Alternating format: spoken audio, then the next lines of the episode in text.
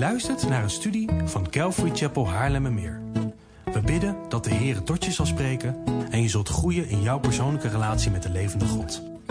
Bezoek voor meer informatie onze website calvarychapel.nl. Dat is C-A-L-V-A-R-Y-C-H-A-P-E-L.nl. We zijn alweer, geloof, 60 plus studies bezig met uh, Romeinen. Dus inderdaad, misschien halen we het millennium. Maar we gaan er rustig doorheen, omdat het zo'n rijke brief is. De spreker Martin Lloyd Jones heeft 15 jaar over Romeinen gedaan. Dat zullen we niet halen. Wees gerust. Maar het is zo goed om diep in Gods woord te graven. Omdat het ook zo diep gaat raken in ons hart. Omdat het ons denken, ons doen en ons laten gaat veranderen. En vorige week hebben we gekeken naar eigen werken ten opzichte van geloof. Paulus spreekt in Romeinen 10 tegen de Joden. En dat zij zich moeten realiseren dat ze gered zijn uit geloof in de plaats van eigen werken. Maar God gaat verder. Het gaat verder dan alleen redding. Want redding is al meer dan genoeg. Maar God wil dat we ook in ons dagelijks leven uit geloof leven. En daar hebben we vorige week naar gekeken dat dat uit moet werken in ons dagelijks leven. Leven uit geloof. En vanochtend wil ik met jullie kijken naar vers 8 tot en met 10, waarbij we gaan zien dat je moet beleiden en moet geloven. Paulus wijst ons erop dat hart en mond moeten samenwerken. Dat ze één van gedachten moeten zijn, in de plaats van dat ze allebei in eigen richting gaan. Hart en mond moeten samenwerken. Dus laten we lezen Romeinen hoofdstuk 10, vers 8 tot en met 10. Paulus schrijft er, maar wat zegt zij? Dicht bij u is het woord, in uw mond en in uw hart. Dit is het woord van het geloof dat wij prediken. Als u met uw mond de Heer Jezus beleidt en met uw hart gelooft dat God hem uit de doden heeft opgewekt, zult u zalig worden. Want met het hart gelooft men tot gerechtigheid en met de mond beleidt men tot zaligheid. Laten we bidden. Heere God, wat een zegen is uw woord toch. Heer, wat een voorrecht is het dat wij uw woord hebben. En Heer, zoals er in Psalm 119 staat, Heer, laat ons vreugde vinden in uw bepalingen, in uw woord, in de details van uw woord. Maar Heer, laat ons er niet alleen vreugde in vinden, verander ons ook op dit moment alstublieft. Wijs ons erop waar ons denken, ons doen en of ons laten, Heer, niet naar uw wil is. Wijs ons erop, Heer, waar wij dingen geloven die niet naar uw standaard zijn. Die niet naar uw woord zijn, die niet zijn zoals u bent. En Heere, laat ons hart en onze mond hetzelfde gaan zeggen en gaan geloven als wat uw woord zegt. Heere, doe alstublieft wat alleen u kan. Laat er geen woorden van mij bij zitten, alleen maar woorden van eeuwig leven.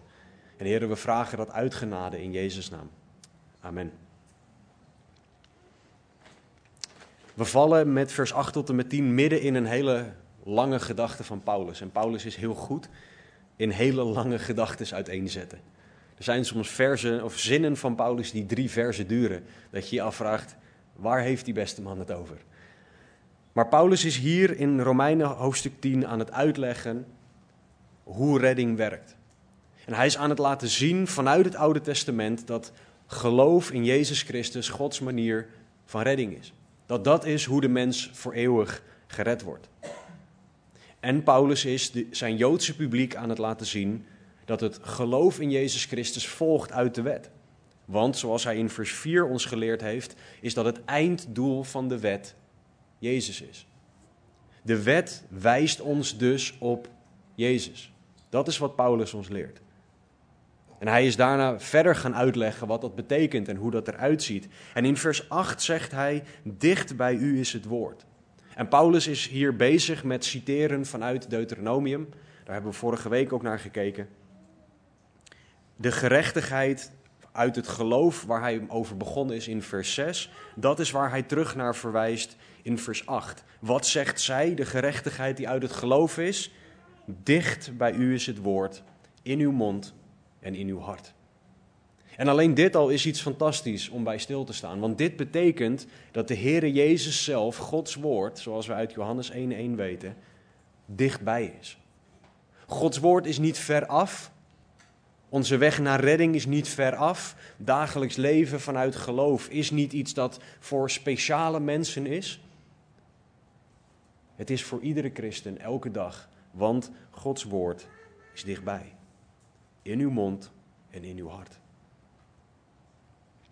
In vers 6 heeft Paulus gezegd dat geloof en redding niet is in het opklimmen, dus dat je niet zelf heel hard moet werken, of in het neerdalen, vers 7. God heeft het woord en daarmee de mogelijkheid tot geloof dichtbij gebracht.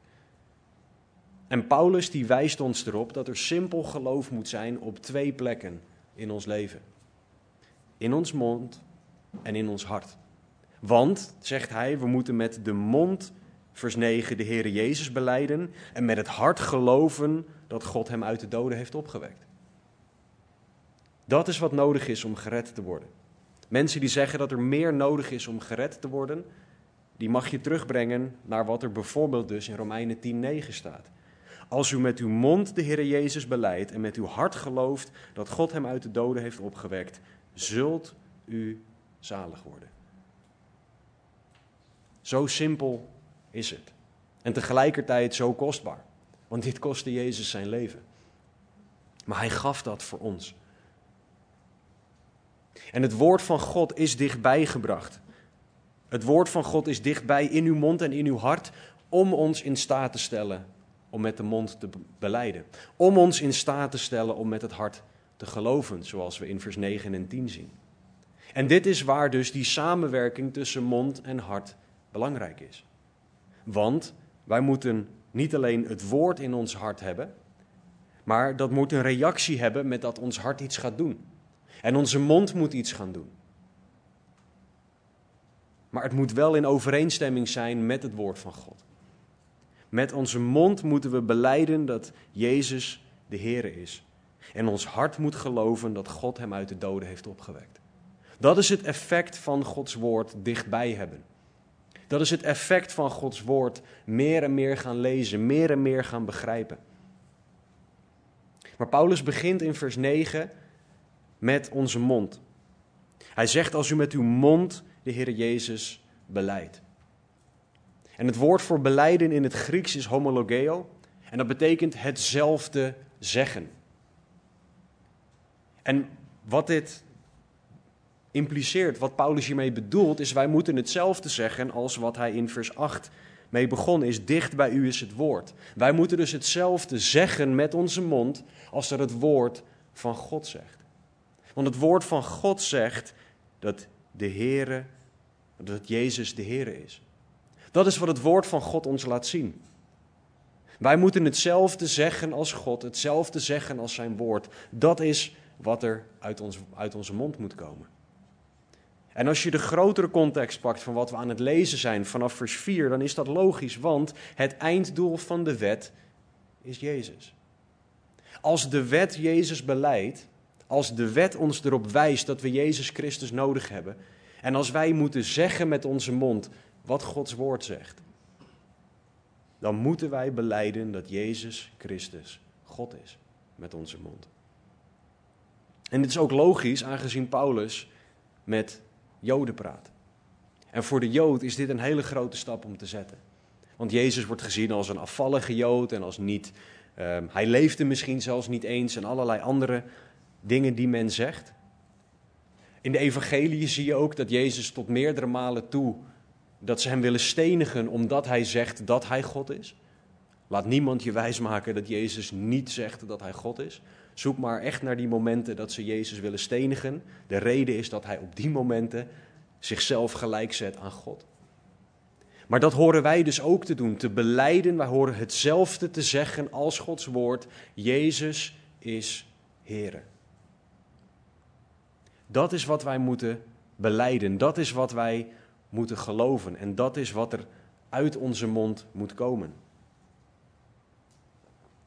Jezus zegt niet voor niets in Matthäus 10, vers 32. Ieder dan die mij beleiden zal voor de mensen, die zal ik ook beleiden voor mijn Vader. die in de hemelen is. Wij moeten met onze mond beleiden dat Jezus Christus Here is. Daarom is het ook zo lastig als mensen een soort van geheime christenen zijn en niet willen praten over hun geloof. Want dat matcht niet met dat je met je mond de Heere Jezus moet beleiden. Dat matcht niet met wat Jezus zegt in Matthäus 10:32. Dat we Jezus moeten beleiden voor de mensen. God wil dat mensen weten dat wij in Jezus geloven. God wil dat mensen uit onze mond horen dat Jezus Christus de Heer is. Wij horen ons hier niet voor te schamen. Zoals Paulus ook in Romeinen 1:16 ons leerde dat we ons niet horen te schamen voor het evangelie. En Paulus' punt is dat wat wij moeten zeggen, wat er uit onze mond moet komen, moet matchen met wat Gods woord zegt. Dus we moeten beleiden met onze mond dat Jezus Christus de Heer is. Wij moeten homologeo hetzelfde zeggen als God. En dat is een resultaat van geloof. Maar als we verder inzoomen dan op wat we allemaal met onze mond kunnen, zegt Efeze 4, vers 29 het volgende. Laat er geen vuile taal uit uw mond komen, maar wel iets goeds. Wat nuttig is tot opbouw, opdat het genade geeft aan hen die het horen. Onze mond hoort dus gebruikt te worden tot opbouw. We horen dus dezelfde dingen als God te spreken, die daarmee ook tot opbouw voor de ander zijn. En laten we eerlijk zijn, het is heel makkelijk om dezelfde mond waarmee je God, begeleid, of God beleidt sorry, te gebruiken tot afbraak van dingen. Of voor vuile taal. Het is zo makkelijk, want om ons heen is het overal. Onze woorden horen de ander op te bouwen richting Jezus. We horen vol met Gods liefde te praten over een ander en met een ander. In Efeze 4, vers 30, die we niet zullen lezen, maar wordt er gesproken over het niet bedroeven van de Heilige Geest. Wanneer wij vuile taal spreken, wanneer dat onze standaard is, dan bedroeven wij daarmee de Heilige Geest. Onze mond heeft dus de potentie om de Heilige Geest bedroefd te maken. En de vraag is dus, christen, spreek jij dezelfde woorden als God? Woorden tot opbouw.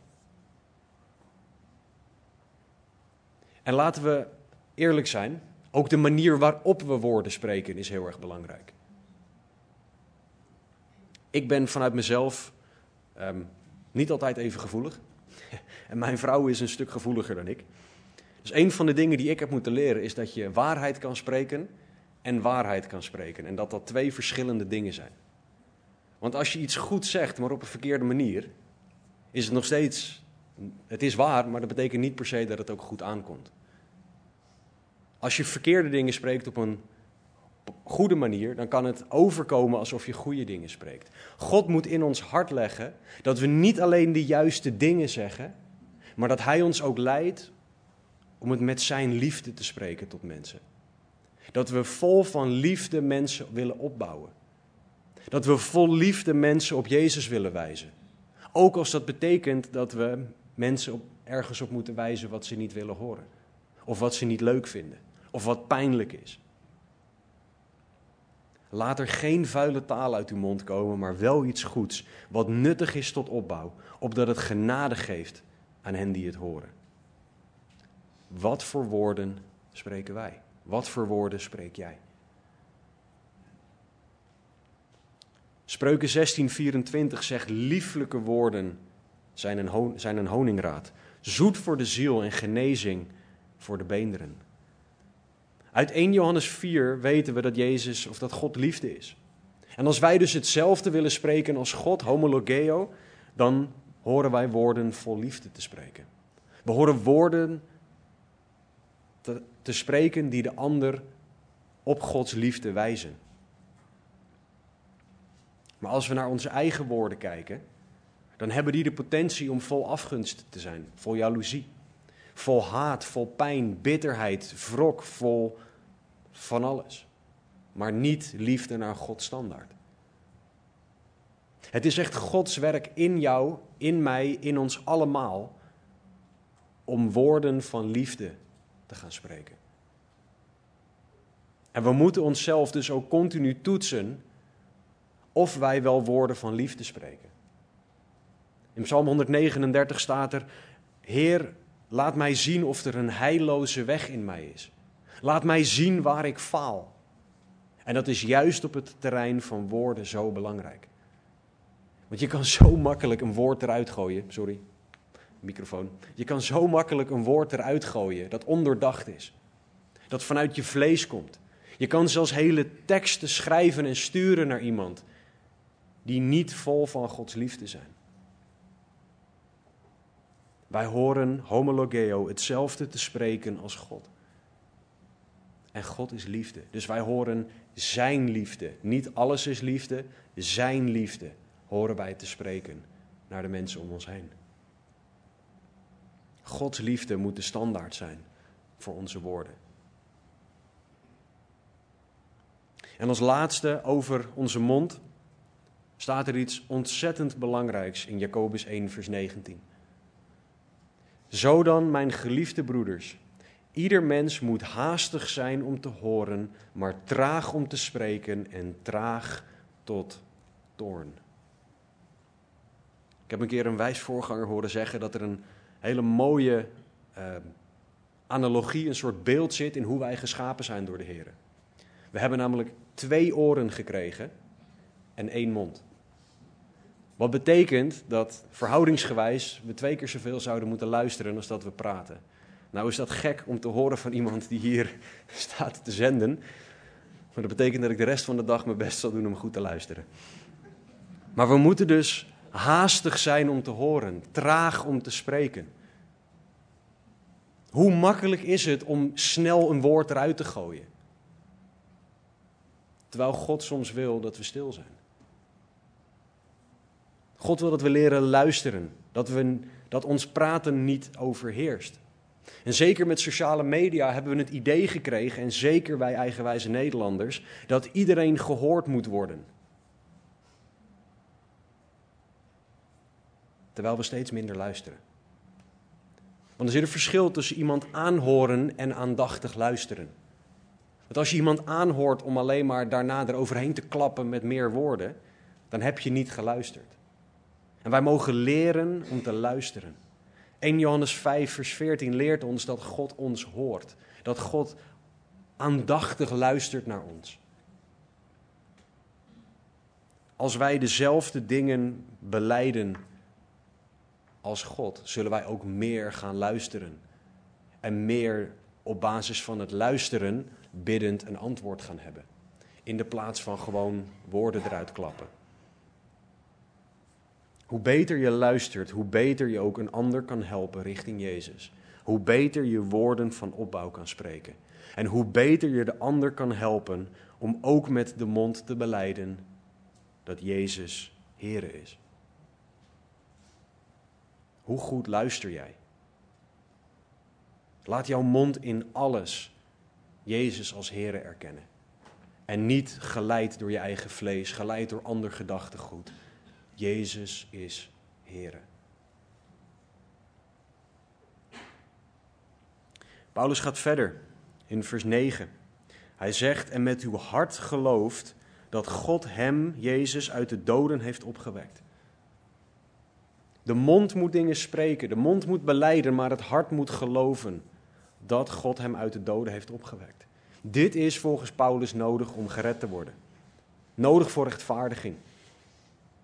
En het woord geloofd in het Grieks is het woord pisteo. Pisteo, ik kan het niet goed uitspreken. Het komt erop neer dat, het, dat je ergens van overtuigd bent. Dat je ergens vertrouwen in hebt. En dat je er daarom iets mee gaat doen. Dat is wat wij moeten hebben in ons hart. Wij moeten overtuigd zijn van Jezus. Wij moeten vertrouwen hebben in Hem en in de dingen die er over Hem geschreven worden. En wat wel mooi is, is dat Paulus hier niet zegt met uw hart geloof dat Jezus voor jouw zonde is opgestaan. Of eh, voor jouw zonde is gestorven. Of dat Jezus naar de aarde gekomen is. Nee, hij zegt met uw hart gelooft dat God hem uit de doden heeft opgewekt.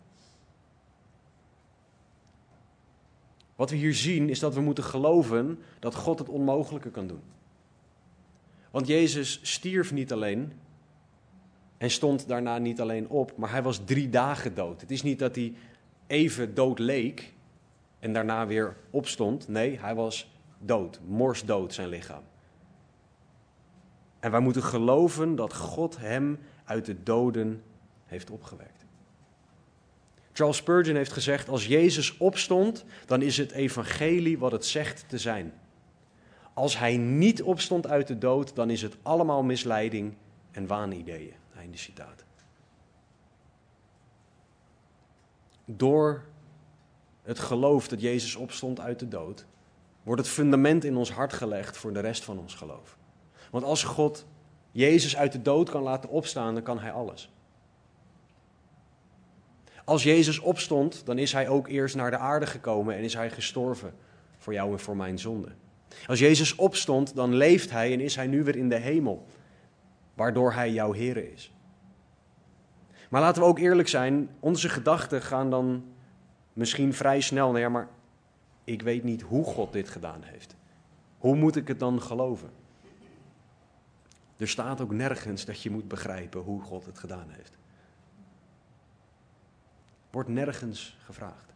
Er staat nergens dat jij een wetenschappelijke verklaring moet hebben waarbij jij de, de, de complete stappen die God gedaan heeft en hoe het leven wegging en weer terugkwam allemaal moet kunnen uitleggen. Paulus spreekt over een overtuiging in je hart. Hij spreekt over geloof. Dat is wat er in je hart moet zijn. Niet de complete uitleg over hoe God dit allemaal gedaan heeft. Want op het moment dat jij zou begrijpen hoe God dit gedaan heeft, zou jij God zijn, want dan zou jij het onmogelijke kunnen. En wij zijn God niet. En Hij wel, en Hij kan het onmogelijke doen. Dus we moeten geloven met ons hart dat God Jezus uit de doden heeft opgewekt. En het is belangrijk dat je hier als christen overtuigd, hier echt van overtuigd bent. In het Grieks is dus, dit dus het onuitspreekbare woord pisteo. Maar dat komt, dat is opgebouwd uit andere woorden. En het is opgebouwd vanuit de stam, het woord peito. En dat betekent overtuigd in je hart. Dus wat je moet weten is dat God wil dat je overtuigd bent in je hart hiervan. Overtuigd van het feit dat Jezus uit de dood is opgestaan. Daar sta je op en misschien begrijp je niet hoe, maar je weet dat het gebeurd is. Omdat God het zegt. En voor de duidelijkheid, je mag vragen hebben hierover. Het is nooit fout om vragen aan God te stellen. Zolang je tevreden bent met het antwoord dat Hij geeft. En als God geen antwoord geeft, mag je ook leren om daar tevreden mee te zijn. Want hoe trots is het als wij vinden dat wij een vraag stellen aan God, dat Hij ook nu antwoord moet geven. En als ik het antwoord niet begrijp, dan moet u het beter uitleggen, Heer. En als ik het dan nog niet begrijp, dan moet u maar meer tijd voor mij maken om het alsnog aan mij uit te leggen. Dat is leven in aanschouwing, zoals 1 Korinthe zegt. En dat is niet waar Paulus het over heeft. Dit gaat om leven uit geloof. Je mag dus vragen hebben over de opstanding. Helemaal niks mis mee. Je mag niet begrijpen hoe God het gedaan heeft. Zolang je maar begrijpt dat het gebeurd is. En dat je daarop staat. Want heel eerlijk, ik weet ook niet hoe God het gedaan heeft. Maar dat maakt niet uit, want ik weet dat hij het gedaan heeft. En daardoor is hij te vertrouwen. Daardoor kan ik mijn leven op hem bouwen en weet ik dat wat er ook op mij afkomt, God het onmogelijke kan doen. En daardoor dat elke situatie kleiner is dan wat hij aan kan. Want hij heeft Jezus uit de doden opgewekt. Als hij dat kan, wat kan hij dan niet? Is jouw hart moet hiervan overtuigd zijn. Maar als je hart hiervan overtuigd is, dan hoor je daar ook naar te gaan leven. Zoals ik zei, als je gelooft dat dit waar is, hoeveel kleiner worden dan alle situaties om je heen? Wordt alles wat er op je afkomt. Want God kan alles. En laten we heel eerlijk zijn, alles waar wij mee zitten is kleiner dan iemand uit de dood opwekken.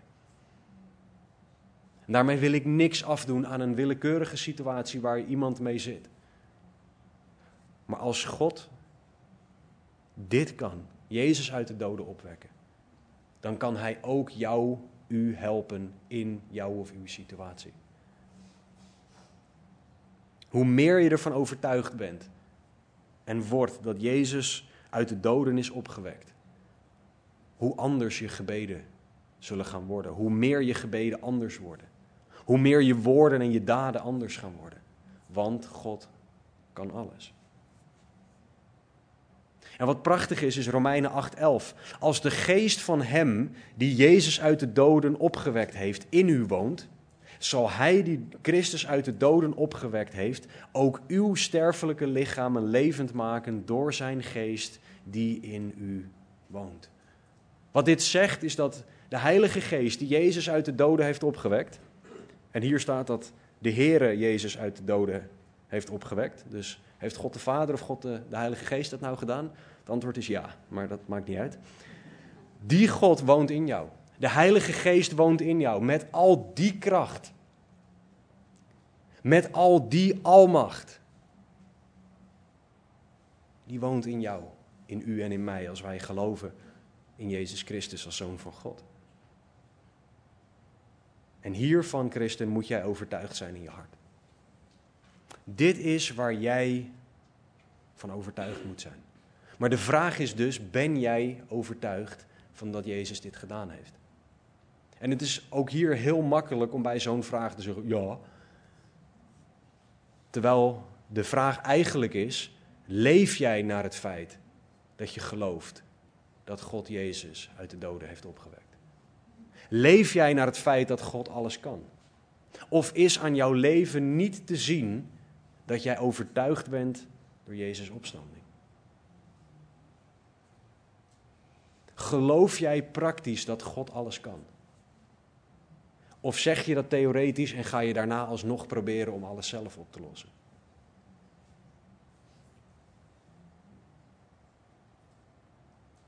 De tweede, het tweede punt dat Paulus ook maakt over het geloven in je hart, is dat je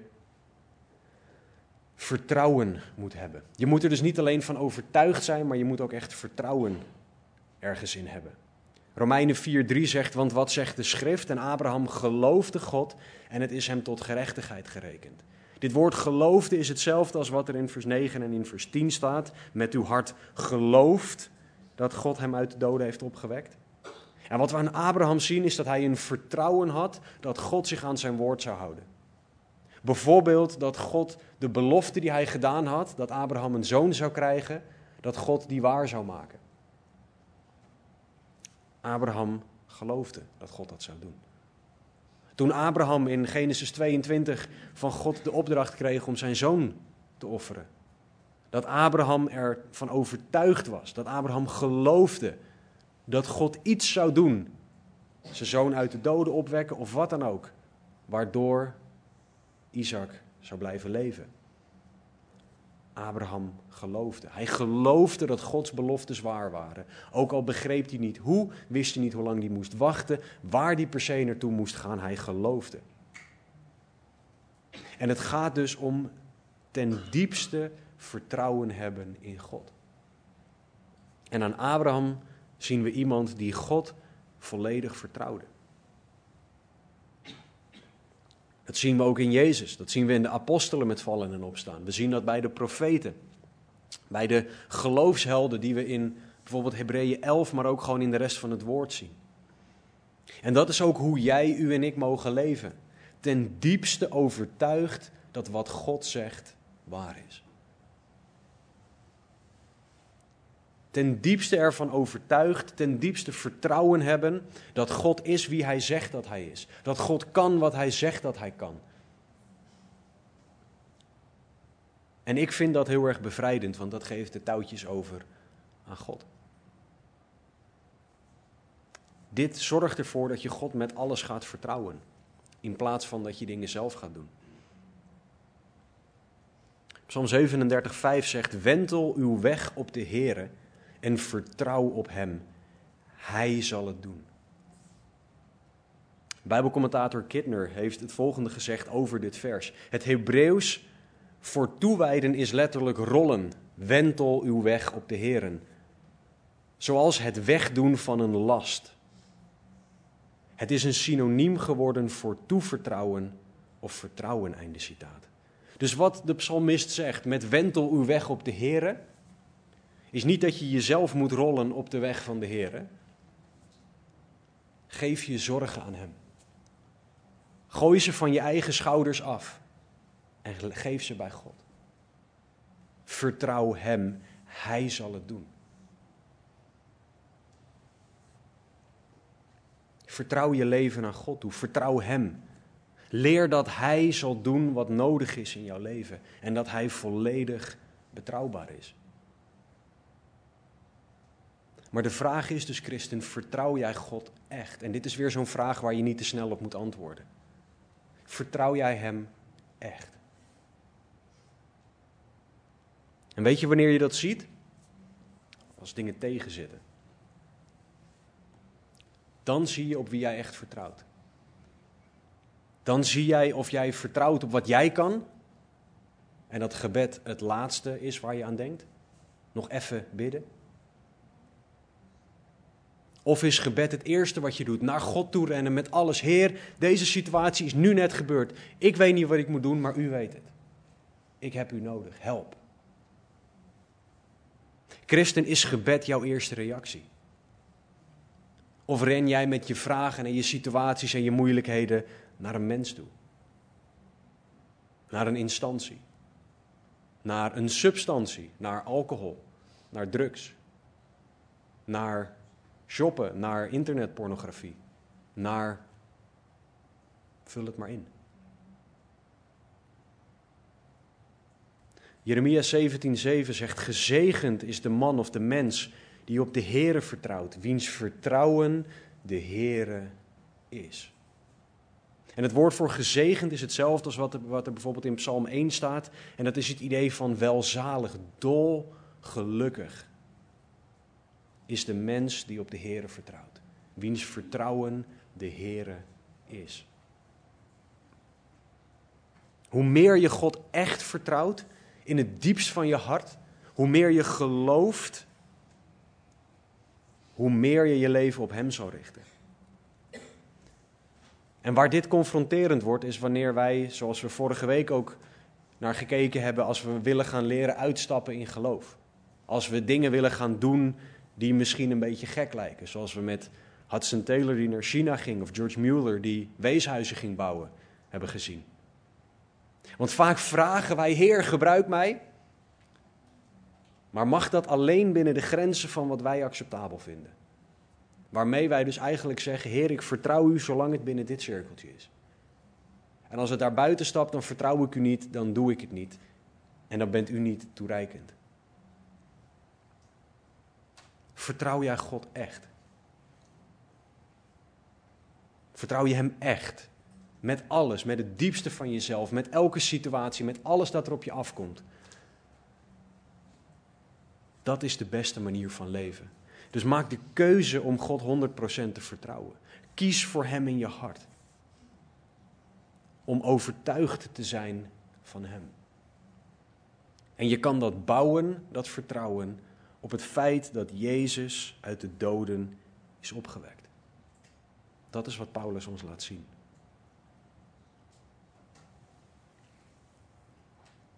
Paulus wijst ons er hierop. Wijst de christenen in Rome, maar ook ons vandaag de dag erop dat er een samenwerking moet zijn tussen onze hart en onze mond. We moeten beleiden en geloven. En Paulus die zegt dit niet zomaar. Dit is niet iets wat hij bedacht heeft. Dit is iets wat gestoeld is op het Oude Testament. Hij herhaalt wat de profeten al gezegd hebben. Jezus zegt bijvoorbeeld in Matthäus 15, vers 7 en 8: Huigelaars, terecht heeft Jesaja over u geprofeteerd toen hij zei: Dit volk nadert tot mij met hun mond en eert mij met hun lippen, maar hun hart houdt zich ver bij mij vandaan. Jezus citeerde en Paulus citeert het idee van Jesaja 29, 13. In Jesaja 29, vers 13 spreekt God het volk aan op hun gedrag. Hun hart en hun mond werkten niet samen. En God sprak hun erop aan dat ze de juiste dingen spraken zonder overtuigd te zijn in hun hart. En laten we heel, heel duidelijk zijn: dit is niet een Israël-probleem. Dit is een mens met hart, of met een hart dat klopt probleem. Dit is een probleem van ieder mens. Dat wij zo makkelijk de juiste dingen zeggen zonder overtuigd te zijn in ons hart. Of dat we wel overtuigd zijn in ons hart, maar niet de juiste dingen spreken. Christen, match je jouw hart en jouw mond? Of zit er een verschil tussen? Om je hart en je mond te laten matchen, is het heel erg belangrijk dat je een nieuw hart nodig hebt. David schrijft in Psalm 51, 12: Schep mij een rein hart, o God, en vernieuw in mijn binnenste een standvastige geest. David heeft hier gezondigd met Bathseba. En voor degenen van jullie die de achtergrond niet kennen, David zag een mooie vrouw, liet die vrouw halen, wist dat ze getrouwd was, ging met haar naar bed, liet haar man vermoorden en twee jaar lang wilde hij er niks over horen. Hij wilde niet geconfronteerd worden met zijn zonde. En toen hij geconfronteerd werd met zijn zonde en hij zich bekeerde, zei hij: Schep mij een rein hart, o God. En hij zegt hier iets heel erg belangrijks. Hij zegt hier, schep mij, en dat is het woord bara dat hij hier gebruikt. Dat is een woord in het Hebreeuws dat betekent uit het niets. In het Latijn ex nihilo. Er was niets en God schiep. Er was dus niks aan David dat recyclebaar was om hem een goed hart te geven. Dit is nodig wanneer wij gaan geloven. Dat wij een nieuw hart krijgen. Niet dat God iets hergebruikt uit ons, want dan zou er iets goed genoeg zijn in ons. Schep mij een rein hart uit het niets. Geef mij een nieuw hart. En wij krijgen een nieuw hart omdat wij een nieuwe schepping zijn in Christus. 2 Korinthe 5, 17 leert ons dat. En christen, jij mag dus leren leven, leren verlangen, leren geloven naar je nieuwe hart. Je nieuwe hart moet je leiden dat nieuwe hart dat geschapen is naar Gods wil, zoals Efeze 4:24 ons leert.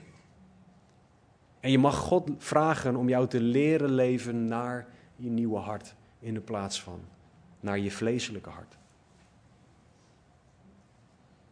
Als je dan dat nieuwe hart hebt, is het punt 2 heel erg belangrijk dat je dat hart beschermt.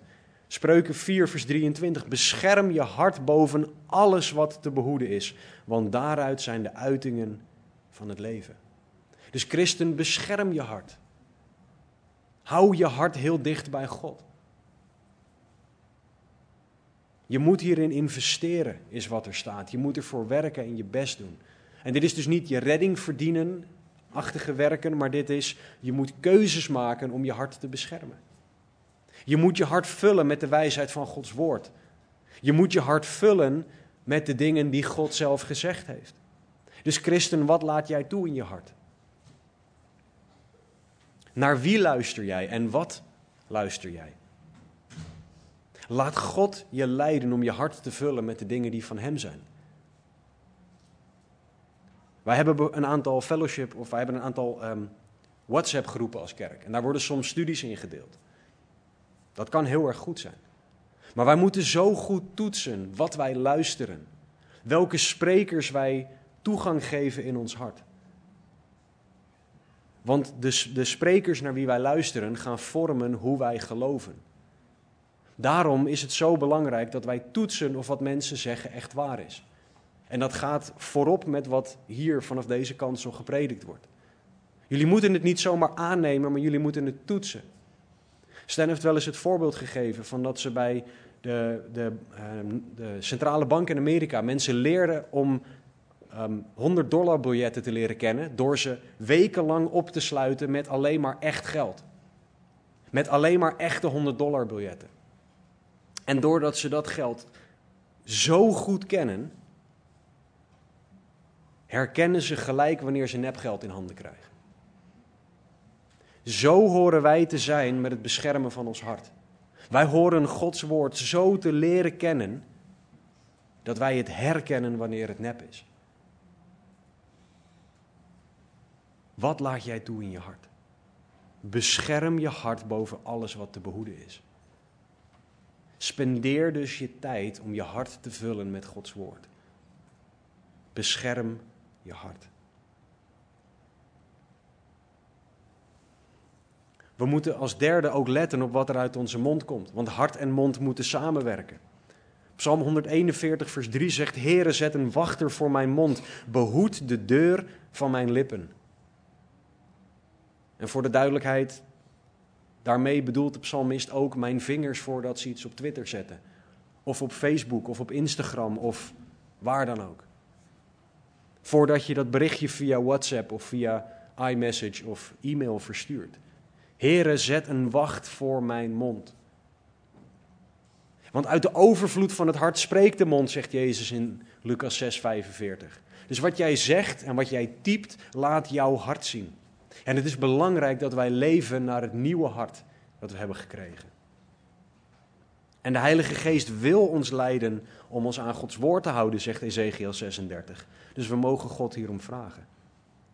Laat God dus jouw woorden, maar ook jouw stilte bepalen. Vraag God om jou te leiden.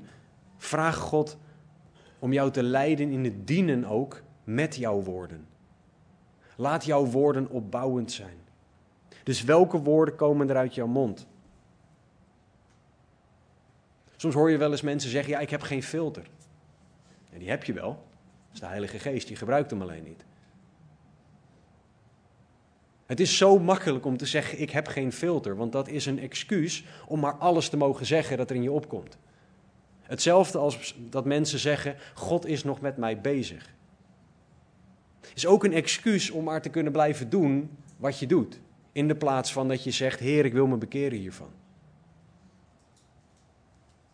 De Heilige Geest kan en wil jou leiden om het, om het juiste wel uit jouw mond te laten komen. En ook het juiste niet uit je mond te laten komen. Welke woorden spreek jij? Als vierde en laatste punt is het belangrijk dat wij Gods woord spreken. Jozua 1:8 zegt: Dit boek met deze wet mag niet wijken uit uw mond. Maar u moet het dag en nacht overdenken, zodat u nauwlettend zult handelen overeenkomstig alles wat erin geschreven staat. Dan immers zult u uw wegen voorspoedig maken en dan zult u verstandig handelen. Dit boek met deze wet mag niet wijken uit uw mond. Dat is wat Jozua nodig had. Dat is wat wij nodig hebben om te leven uit geloof. Gods woord spreken tot mensen. En om Gods woord te kunnen spreken tot mensen, moest hij het woord dag en nacht overdenken. Hij moest er continu mee bezig zijn. Dus christen, spreek jij Gods woorden? Of spreek jij iets anders? Onderzoek je woorden. Of dat jij Gods woorden spreekt of je eigen woorden. Want te vaak praten wij christenen als de wereld en zijn wij niet te onderscheiden in wat we zeggen en in hoe we het zeggen van de wereld. Laat Gods woord regeren, zodat jij zijn woord zal spreken tegen een ieder met wie jij praat. Christen, hart en mond moeten samenwerken. God wil dat wij beleiden met onze mond en geloven met ons hart. Hoe zit dat bij jou? Wat beleidt jouw mond? Wat gelooft jouw hart? Is dat een samenwerking of is dat in tegenstelling met elkaar? Als er mensen zijn die nog niet geloven hier aanwezig of via de livestream, vandaag is de dag om je te bekeren. Ook jij mag met je mond de Heer Jezus beleiden en met je hart geloven dat God hem uit de doden heeft opgewekt, want dan zult u zalig worden zegt het woord van God.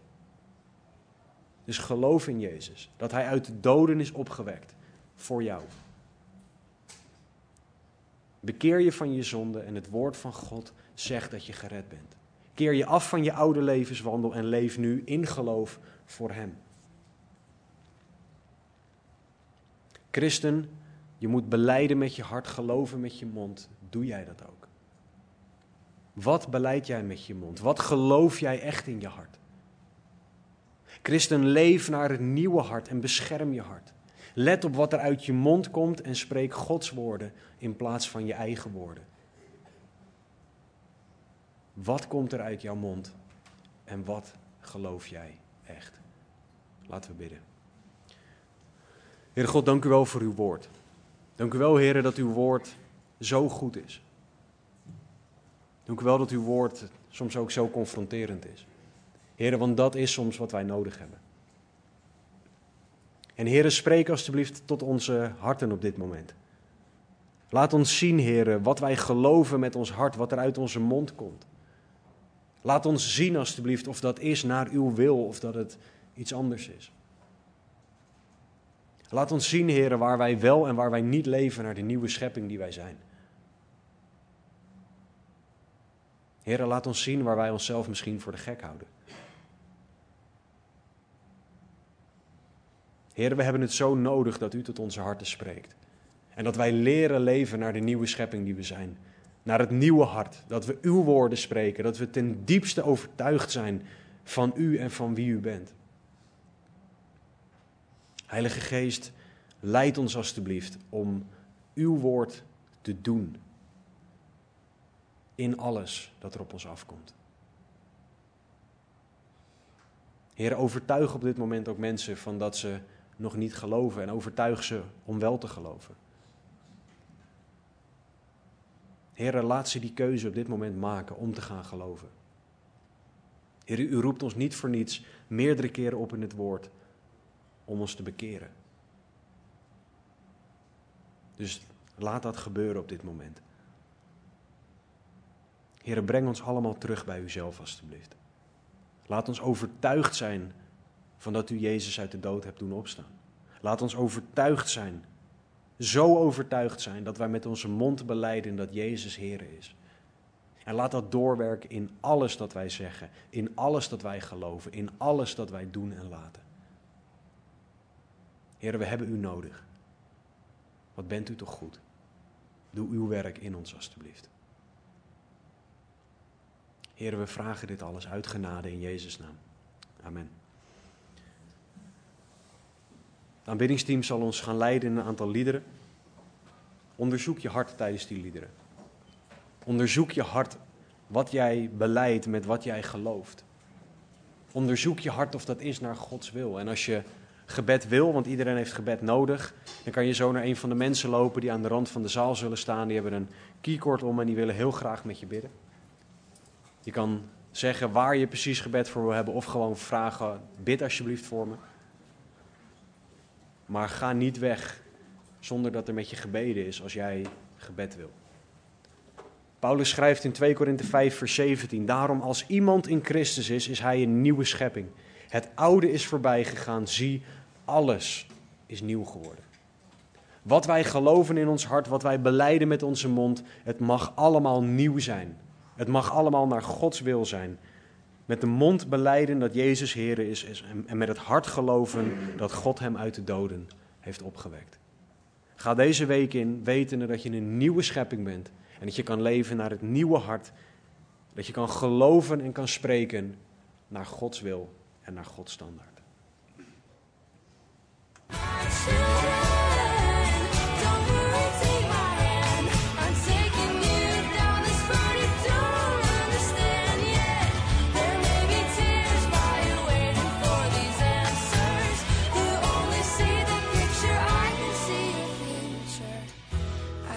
Tell you right now, it's gonna be alright.